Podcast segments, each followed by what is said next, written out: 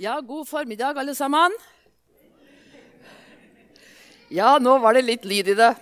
Vi sitter i Japan, Jeg har bodd i Japan i mange år. Og hvis ikke får respons, vet du, så lurer jeg på om jeg har kommet til døvekirken. Og da er jeg ille ute, for døvespråk kan jeg lite av. Eller Ja, nå har jeg vært i misjonssalen noen ganger. Men jeg husker første gangen Første gangen, Jeg kommer egentlig fra Våler i Solør, og derfor er dialekta solung. Så nå skal du få et kurs i dialekt. Men det var så som kom jeg fra Solør. Jeg skulle gå på fjellet, og Det var første gangen jeg var i Oslo. Og så skulle jeg til Misjonssalen hit ned på møte på Sindan. Og så hadde jeg, visst, jeg hadde sett på kartet at vi skulle nedover mot sentrum, at vi skulle ta trikk nummer 17. Så det gjorde jeg nå det, da. Og så visste ikke han den der gata var et merkelig navn på den. Den heter Tullingens gate. Men jeg tenkte jeg må nå sperre han der trikkeføreren han skulle gå av hen. Og så spurte jeg han, du, jeg skal til Tullingens gate. jeg. Og så lurer jeg på hvor jeg skal gå av. Det heter jo Tullins gate, da. Men jeg trodde det var Tullingens gate. Og så sånn, Ja, hvor skal du hen der, da? sa han. Jeg skal til Misjonssalen, sa jeg. Å ja. Ja, jeg skal si ifra, jeg, sa han. Så rusla vi nedover her og kom oppover gata her, og så ropte han. Og den gangen det var avgang på trikken i Pilestredet. Så sa han Nå er vi på de religiøses plass, sa. Så det ljoma over i trikken i alle kupeer, holdt jeg på å si. Ja, ja.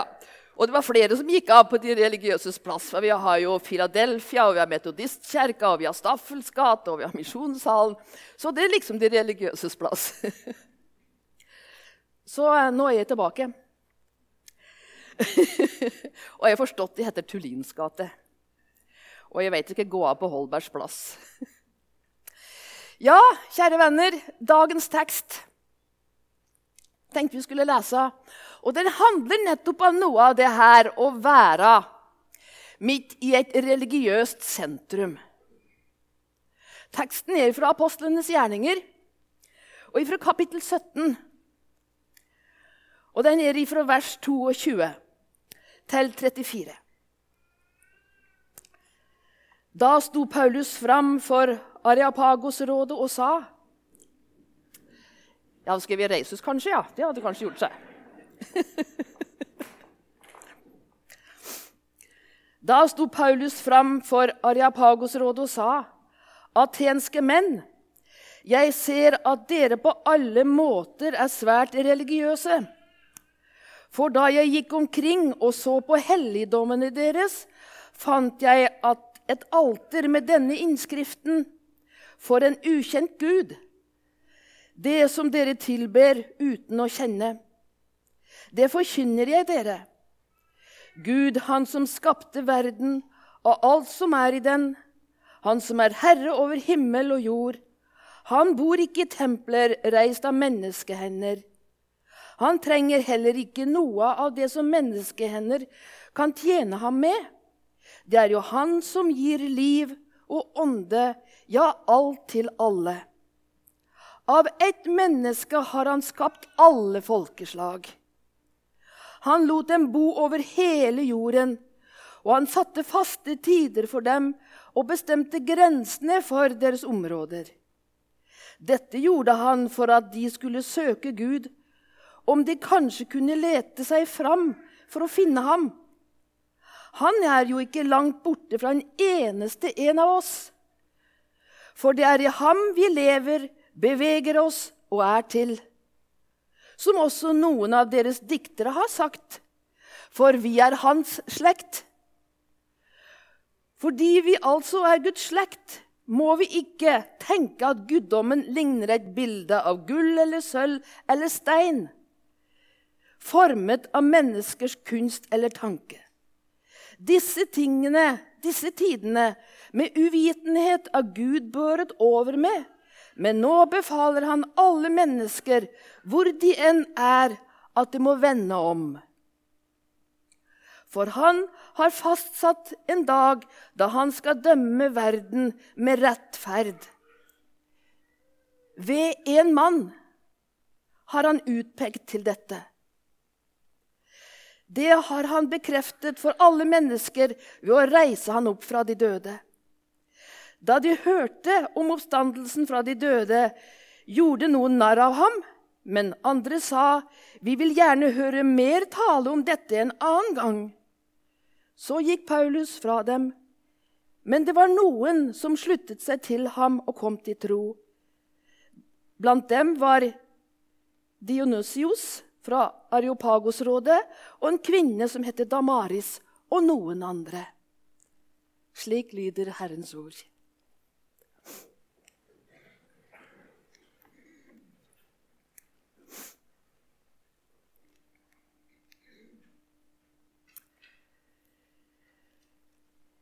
Ja, hvordan i all verden havnet Paulus i Aten? Jo, Paulus hadde vært i Tessalonika og forkynt det samme evangeliet. Evangeliet om Jesus og om oppstandelsen. Og det vil si, det var kommet en som het Jesus Kristus. Og han hadde makt over døden. Og det vil si at døden, det er syndens lønn, og det vil si at det var kommet en som har tatt bort synden som gjorde at mennesket døde. Det var evangeliet og budskapet om oppstandelsen. Men i Tessalonika ble det fart på saken. skal jeg si det. Det vi vet at Paulus har skrevet Tessalonikerbrevet, så det var noen som tok imot det òg. Men der var det noen av jødene som ble illsinte. De fikk til og med, med seg mobben i byen. Altså, De fikk med seg da gangsterbanden i byen. Og så tok de og jaga Paulus og Silas og venneflokken hans som forkynte evangeliet, ut av byen. Og de kom til Berøa, står det. Der var de mer vennlige til sinns, jødene der. Så de lot Paulus og de andre være i fred, og så lyttet de til budskapet. Men så fikk de høre i Tessalonika at de i Berøa de satt rolig og hørte på og tok imot det som Paulus og Silas sa. Og da tenkte de dette går ikke an. I rettferdighetens navn, for å vokte troen og skriftene, så må vi fare av sted. Syns du hører de? Og så for jeg av gårde den gangen uten mobben, da. Men de for av gårde til Berøa. Og så skapte de det samme mylderet som de hadde gjort i Tessalonika. Og det endte med at vennene i Berøa de måtte ta med seg Paulus. Og så for de av gårde til kysten. Og så tok de ut på ei skipsreise som var ca. tre mil nedover kysten i Hellas og sørover. Og så havna de i Aten. Der tok de og slapp Paulus av. For nå tenkte jeg at nå var best at Paulus var i intellektets høyborg. Og det var Aten på den tida. Sjøl om Aten hadde begynt å komme litt på etterskudd. De hadde jo hatt storhetstid for 300-400 år før Kristus. Da hadde byen de regnet med mellom 200 og 300 000 innbyggere. Men så hadde Korint tatt og utkonkurrert dem, så det begynte å bli litt deppa. Men selvfølgelig så var fortsatt Aten den byen der de alle store filosofene var. Aristokrates, Platon Alle disse store filosofer de hadde hatt sitt kateter i Aten. Og så kom han dit, og så var han aleine. Han har blitt jaga fra skanke til skanke. Men han ga ikke slapp på budskapet sitt. Fra Tessalonika, jaga av de som skulle vokte Skriften. Og troen på den ene Gud. Havne i Berøa, så kom de etter, og så spredde det seg allikevel, den såkalte rette læren blant jødene, som Paulus ikke var en del av. Og så holdt han likevel fast på budskapet sitt. Og så havna han i Aten, men nå var han aleine. Og så syns jeg jeg ser Paulus. Hvorfor Paulus måtte ha følge for å reise til Aten, det vet jeg ikke. Kanskje han allerede hadde begynt å se dårlig, for det gjorde han jo i utgangspunktet. Men han fikk noe følge, og så reiste de hjem til de til Berøa. Og så sa Paulus nå må du si til de andre at de må skunde seg å komme etter. Så står det mens Paulus ventet på dem i Aten, ble han rystet i sitt innerste over å se byen full av avgudsbilder. Og der gikk han og var aleine.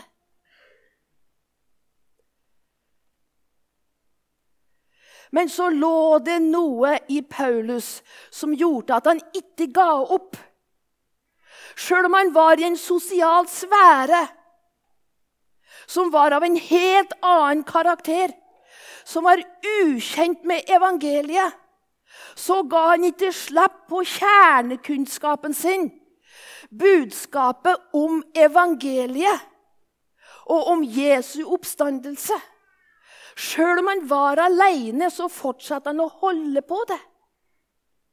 Sjøl om det var motvind. Og slik kan det være for noen av enhver av oss. Vi kan jo ha et areapagos, noen av enhver av oss, da vi er. Det er ikke sikkert at det Du har så mange kristne i din familie. Slik var det heller ikke i min familie til å begynne med. Jeg ble invitert til konfirmasjonsselskap hjemme hos en av de nære slektningene mine. Og bordet var duka for konfirmasjon av et søskenbarn. Flott i stuge, et langbord gjennom to stuger. Og så satt jeg på ene en. De hadde kommet hjem igjen fra Japan. Og i andre sida der satt eh, en av onklene mine. Og han visste at de var religiøse. Ja, for det var derfor jeg hadde reist til Japan. Nå så ond i hampen gæli, da. At religion kan drive folk til å gjøre noe slikt. Derfor gjøre noe vettig arbeid. Ja, jeg hadde hørt det før. Han sa det ikke da, men jeg visste hva de tenkte. Og der satt de. Jeg var aleine kristen. Og mora var aleine kristen blant sine åtte søsken. Så det var ikke noe nytt. Vi var i samme båtlaget. Så kommer de fra andre enden på bordet. 'Du, Kari!' Denne religionen som du tror på, det er bare eventyr. Og det med oppstandelsen og korset og alt dette der, ja, Korset kan jo være sant, for noen elver kan jo. Og så sier han daua på et kors. Det kan jo noen elver, ja. Ja, de døde jo der. Men den oppstandelsen Nei, Kari, det stemmer nok ikke, det der. Det, dette er bare eventyr. Og alle fortsatte å ete av mokle og fôr med sitt. og det, ja, mm, De satt liksom der og smånekket. Og så kjente de banke. Skal jeg tie stille? Bare la det være? Og tenkte nei, jeg skal ikke tida stille. For jeg veit, jeg som ikke trodde på en gud For jeg trodde at Gud ikke eksisterte. jeg. Som jeg sa på ungdomsmøtet i går. Jeg er eh, sosialist og kommunist og feminist og hele greia fra Indre Finnskogen. Og så åpenbarte Jesus seg i et syn for meg. Han kom som en lysende skikkelse for meg. Og Så kom han bort til meg og så sa han, 'Kari, vil du følge meg?' Og jeg trodde det hadde rabla for meg. Enten var jeg sjuk der eller sjuk der. Ja, for det slik var det med det religiøse. Og Så svarer jeg ikke, og så sa han en gang til, 'Kari, vil du følge meg?' Og da kunne jeg ikke tida stille. Da sa jeg, 'Ja, Jesus, jeg vil følge og se om det stemmer, det her.' Og det ble så stille i konfirmasjonsselskapet. Alle kafler og kniver som knakla imot tallerkenen, de ble stille. Det var dødsen stille. Og så sa jeg, 'Du som sier at Gud ikke finnes, og som ikke kjenner han, hvordan i all verden kan du si at han ikke finnes, du som ikke har møtt han?' Jeg har møtt han, og jeg trodde at han ikke fantes. Jeg har møtt han og vet at Gud lever. Og det ble så stille. Det tok lang tid før de begynte å kakle med gaffel og tallik og kniv. Og jeg tenkte nå har jeg vært partykiller. nå har jeg ødelagt konfirmasjonsselskapet. Åh, venner, noe av dette her å ha noe annerledes og fått sett noe annerledes enn det som samfunnseliten er en del av. Da kan det hende at du blir kjeppjaga i en eller annen forstand med taushet eller hva som helst ifra det ene til det andre. Men slik som Paulus så skal dette være til oppmuntring for deg og meg. Vi må ha dette evangeliet om Jesus Kristus forma i vår sinn og vår tanke. Om vi blir jaga på en eller annen måte eller neglisjert fra skanse til skanse, så må du ha dette evangeliet brent inn i dine tanker. Og at Jesus, han har konkurrert med de synd. Og han vant over den, for han sto opp fra de døde tredje dag. For at døden kunne ikke holde på han, for den var sona og båret bort. Dette er evangeliet om Jesu oppstandelse. Det gode budskap. Og det var dette som holdt at Paulus ikke dukka under. At han holdt fra skanse til skanse. Det var dette som gjorde at Paulus ikke ga opp sin tjeneste, men at han fortsatte uansett. Ja, jeg har jo med denne iPaden Vet du hva det heter på Solung? Eller på hedmarksk? Heter eplefjæl.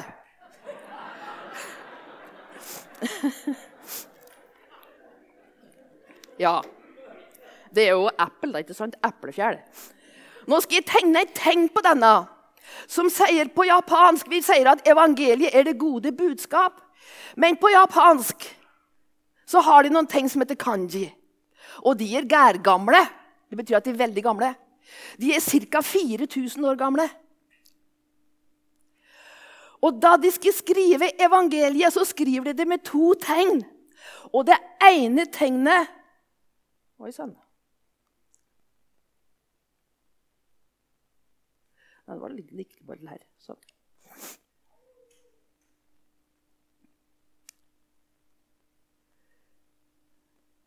Jeg blir så nervøs da jeg står her, vet du. Jeg får ikke til å tegne alle på en gang, da. Dette ordet betyr lykke. Lykke betyr dette. Noen har smykker med dette tegnet på. Lykke, og så har du det andre tegnet. Dette er tegnet for lyd. Og hva blir evangeliet da? Lyden av lykke. Er det ikke flott? Evangeliet betyr lyden av lykke.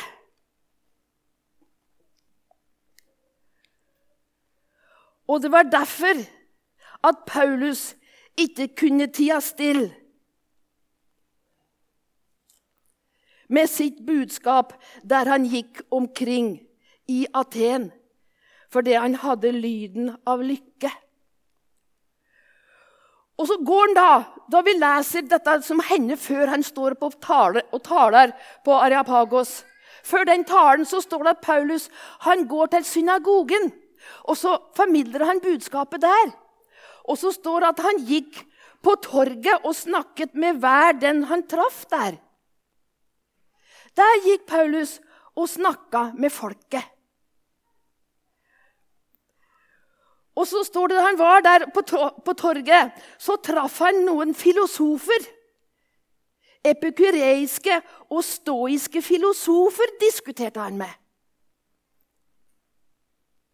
Ja, disse epikureiske filosofer de lærte at det som var den største tingen for et menneske å oppnå, det var lykken. Og Den andre gruppa av filosofer som var der, som var stoiske filosofer, de lærte at det største som mennesket kunne oppnå, det var fryktene, altså frukt av høy moral. Det var menneskets øverste lykke. Og da forstår vi hvorfor Paulus da kunne stå fram og si den høgste lykke som vi kan oppnå, det er evangeliet. Det er lyden av lykke. Ser vi nå hvordan Paulus går rett inn i samfunnssituasjonen. Han er blant et folk som ikke kjenner evangeliet. Han kan ikke henvise til Det gamle testamentet. Men han kjenner sin samtid. Og kjære venner, jeg tenker på da du og jeg er i vår samtid, så forventer vi det at de skal komme inn i min verden og forstå evangeliet. Nei, det er ikke det at vi må ha de inn i vår verden, for det var ikke det Paulus gjorde da han var i Aten. Han kom inn i dammes verden med evangeliet. Og Paulus visste hva disse filosofer hva de underviste i. Han visste at epikureiske filosofer traktet etter den høyeste lykke. Og så sa han lyden av lykken den finnes i evangeliet. Og så står de stoiske filosoferne der og sier det høyeste som et menneske kan høste i sitt liv, det er frukten av høy moral. Men det dør jo allikevel. Og så sier Paulus den høyeste lykke vi kan hente av vår moral, det er ikke noen frukter i det hele tatt, for det går den veien. Men den høyeste frukten vi kan hente, det er av Jesu oppstandelse.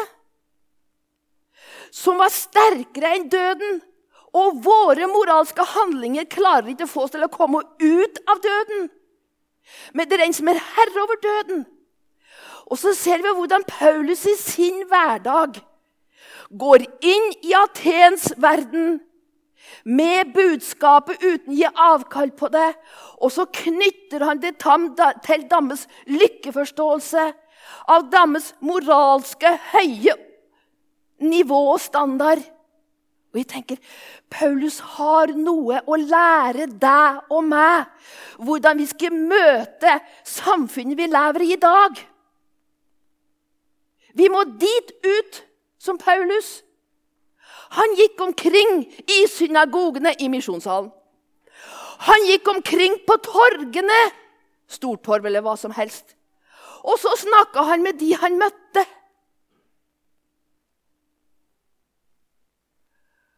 Og der ble evangeliet tatt imot av noen få, for det var motvind. Men holdt han opp for det, da? Nei. Nå må vi passe seg så det ikke blir noe læstediansk møte på to timer. jeg har Før jeg reiste til Japan, skjønner du, så var jeg i Nordland som barne- og ungdomsarbeider. Og i Troms så jeg møtte jo mange av mine gode venner blant lestetianerne. Men de hadde solide møter og prekener, skal jeg si deg. Ja, ja. Men vi må ta imot en ting til før vi, vi avslutter her. Og da Paulus hadde vært i diskusjon med denne gjengen nede på torgene, så fant de at dette har vi aldri hørt om før. For han sier jo det her at eh, Det er jo så mange her som kommer hit og forkynner ting. For ikke visdomslærere for rundt som noen ojoier, akkurat som omreisende predikanter. vet du, på den tida. De for rundt, og de alle havnet i Aten. Men dette har vi aldri hørt om, sier han. Og så lurer vi på hva er det du egentlig mener. Så tok de med seg Paulus opp på Areapagos, til rådet der. For der satt det det høye råd, folkens. De hadde hogd ut benker av stein oppe på Areapagos, og der satt rådet. Og dette rådet oppe på høyden der, oppe forbi torget De hadde som oppgave å avgjøre saker innen etikk og religion. Og der satt de. Og så sa de, 'Paulus, hva har du å fortelle oss? Vi hører at det er noe nytt. Hva er det du egentlig mener?' Ja, jeg tror jeg heller tida stille går, jeg. Ja. det var som var det rådet. Ja. Nei da. Han var rakrygga, som bestemor mi sa til meg da jeg begynte å bli litt sånn, var tenåring. men det gikk litt sånn. 'Kari, her skal vi ha generaler og ikke mjølsekker.' Ja. Så da måtte jeg rette meg opp.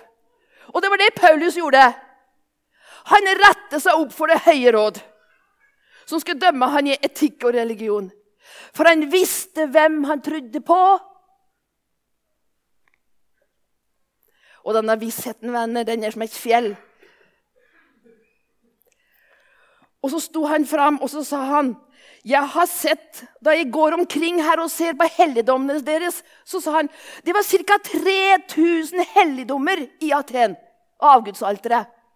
Flere enn det var over hele Aten. Så var det samla i Aten 3000. Det er mange, sier han. Og så sier han jeg har funnet et alter der det er en innskrift som sier 'Til en ukjent Gud'. Sto det på dette alteret. Og dette alteret var til en ukjent gud. Egentlig så var det Ingen vet hvem som hadde reist det alteret. Men da du leser litt historie fra Aten, så står det at det var muligens en av deres diktere som levde for 600 år siden. Det var en pest som herja over Aten den gangen. Og så står det at den ateneren, den dikteren, han begynte å be til en gud de ikke kjente. Og han ba om at Gud måtte stoppe pesten, og han gjorde det. Og til minne om denne guden så reiste de dette alteret, forteller historien. Men de visste ikke hvem denne guden var. Og Derfor så står Paulus for dette alteret og sier at jeg ser alteret til en ukjent gud. Men så sier han med det så mener han det som dere sier er en ukjent gud. Så prøver han å knytte et tilknytningspunkt til Dambes livssituasjon og historie. Dere hadde jo en dikter for 600 år siden. Han skrev jo dette her.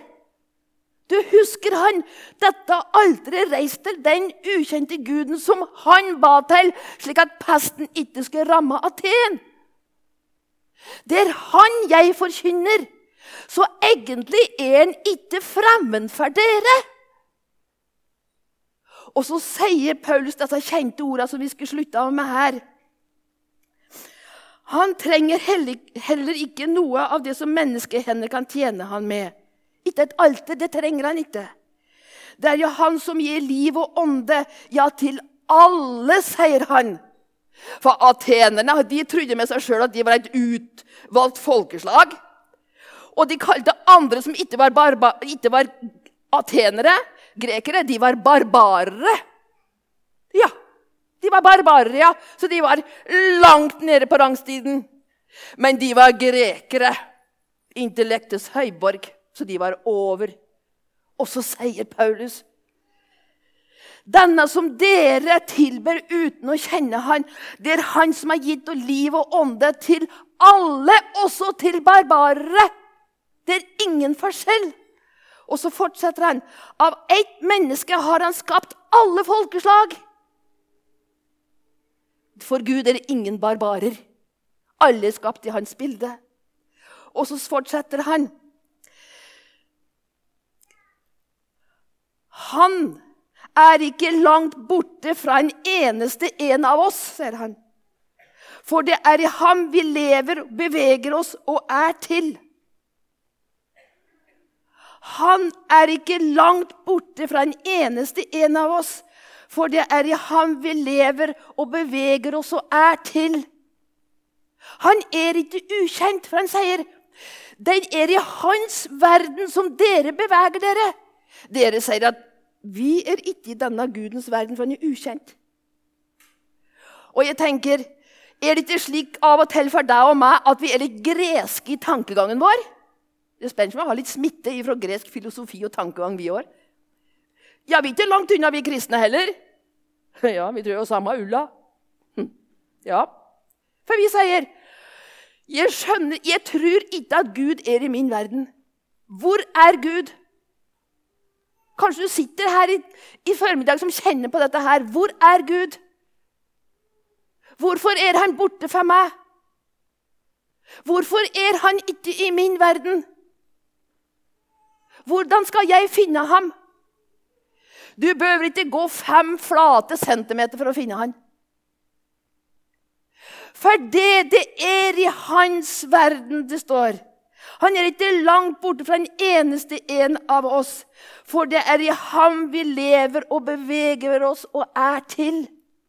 Du er i hans verden.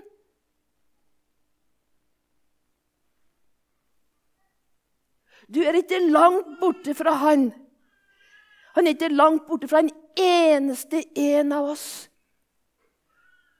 Ikke for deg som er greker, og ikke for de som dere kaller barbarere. Alle er i hans verden. Som du sitter her i dag og kjenner deg som en barbarer, så er du en som er skapt i Guds bilde. Du er i hans verden. Og han har aldri vært langt borte fra deg. Og han kommer aldri til å bli langt borte fra deg. For da du beveger deg i såkalte det som er din og min verden, så er det i Guds verden vi beveger oss. Ha dette perspektivet i ditt liv. Det er hellig grunn du står på, venner. Du må rette deg opp og være general og ikke mjølsekk. Gud velsigne deg. Han er i din verden. Det vil si at du er i hans verden. Og der skal du få være og se 'Jeg er med dere alle dager inntil verdens ende'. Amen.